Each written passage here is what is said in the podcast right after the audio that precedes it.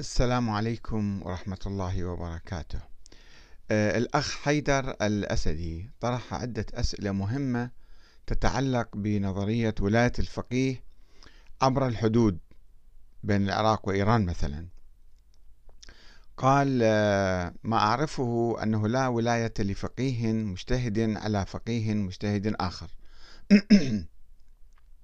وتساءل كيف إذا رأى أحد المجتهدين الإيرانيين رأيا يختلف به مع الولي الفقيه. هل يعمل المجتهد برأيه أم يغلب رأي الولي الفقيه؟ هل يجوز تقليد الولي الفقيه لغير الإيرانيين؟ يعني مثلا بالعراق يقلدون واحد بإيران أو بإيران يقلدون واحد بالعراق. وإذا حصلت حرب مع الدولة التي يقودها الولي الفقيه ما حكم المقلد؟ هل يصطف مع بلده أم مع مرجعه؟ في الحقيقة أساسا التقليد هو حادث ولا توجد لديه يعني به أدلة شرعية قوية وصريحة وواضحة.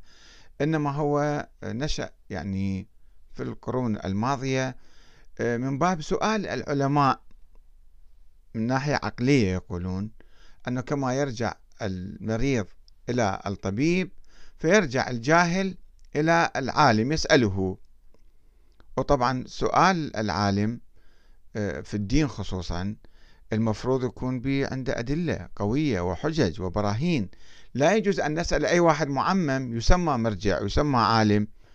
وكل ما يقول لنا حكمه كأنه حكم الله تعالى. والراد عليهم كالراد علينا والراد علينا كالراد على الله. هذا مو صحيح. هذا حديث مكذوب موضوع مختلق.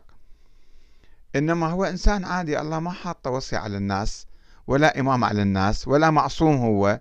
قد يكون عنده هوى عنده يعني أشياء كثيرة ممكن تحدث له فلا يجوز أنه إحنا نقلد واحد تقليدا أعمى. إنما في المسائل الشخصية يمكن والعبادية يمكن نسأل أي واحد من أي مكان. ولكن في المسائل السياسية هذه نرجع فيها إلى الدستور. إلى الأنظمة القائمة في ذاك البلد وفي بلدنا.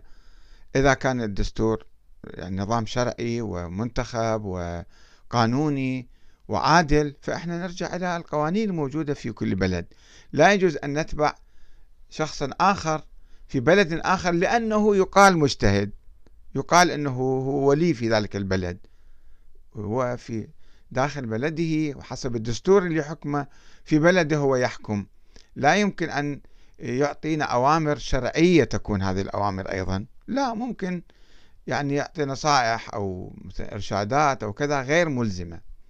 فأجبت الأخ بما يلي. لأن أسئلة كثيرة ما تسأل هذه الأسئلة. في الحقيقة ومحل نقاش بين كثير من المؤمنين. قلت له أساسا لا ولاية لأحد على أحد. سواء كان فقيها أو غير فقيه. الله ما حاط واحد ولي على آخر.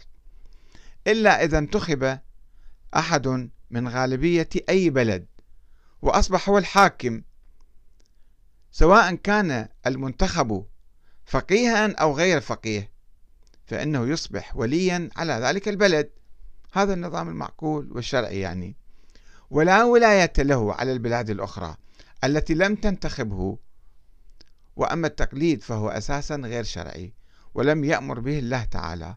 لا في القرآن الكريم ولا في السنة النبوية المطهرة ولم يأمر به حتى أئمة أهل البيت.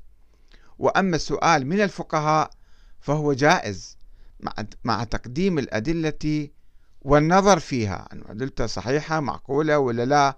يفتي اشتباها أو جهلا أو انحرافا أو أو خوفا أو أي شيء كان. وقولهم غير حجة. قول العلماء الفقهاء المراجع غير حجة. ولا ملزمة ولا ملزمة لأحد. ويمكن السؤال من أي فقيه سواء كان في بلد السائل أم في غيره. وأما في المسائل العامة الحكومية تتعلق بالسياسة وبالدولة فلا بد من الالتزام بالدستور والقانون. وقرارات الحكومة الشرعية المنتخبة في بلد ذلك السائل. مو لأنه واحد فقيه ومرجع ونفترض يكون أعلى من العلماء. قوله ليس حجة على الآخرين. الله لم يجعل. هذه بدعة حادثة في العقود الأخيرة صار الناس يعتقدون أي واحد سموه مرجع. والله يعلم منو سماه ومنو رشحه ومنو جابه ومنو وداه. فيصبح هذا كأنه كلامه مقدس وكأنه هو إمام معصوم وكأنه امتداد للنبوة والأنبياء السابقين. هذا مو صحيح. هاي ديكتاتورية ديكتاتورية وفوضى تسبب أنه إحنا نترك النظام الديمقراطي وناخذ النظام المرجعي. طبعا المراجع هم الآن بدأوا يميلون للنظام الديمقراطي ويعترفون بالنظام الديمقراطي ويشجعوه ويدعون إليه ولكن في نفس الوقت نرى بعض الفقهاء أو حتى أدعياء الفقه ناس مو مجتهدين أصلا ما يعرفون ألف باء الاجتهاد يدعون أنهم مجتهدين وهم آه، يعني عندهم ولاية على الناس. وما يصير تأسس حزب إلا ما تأخذ إجازة من عندنا.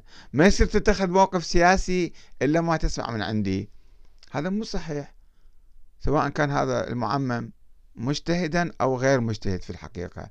لا يجوز الاستماع إليه بعيدا عن الأدلة والبراهين ولأن ونعتقد بوجوب الاستماع عليه. يمكن واحد يتبع أي زعيم يأيد أي زعيم ولكن لا يعتقد أنه هذا من الله تعالى مفروض عليه وده يحكمه ويجب الخضوع له هذا يؤسس إلى ديكتاتورية لا دينية مو دينية. بالدين لا توجد ديكتاتورية.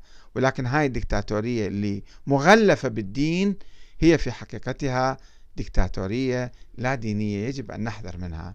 والسلام عليكم ورحمة الله وبركاته.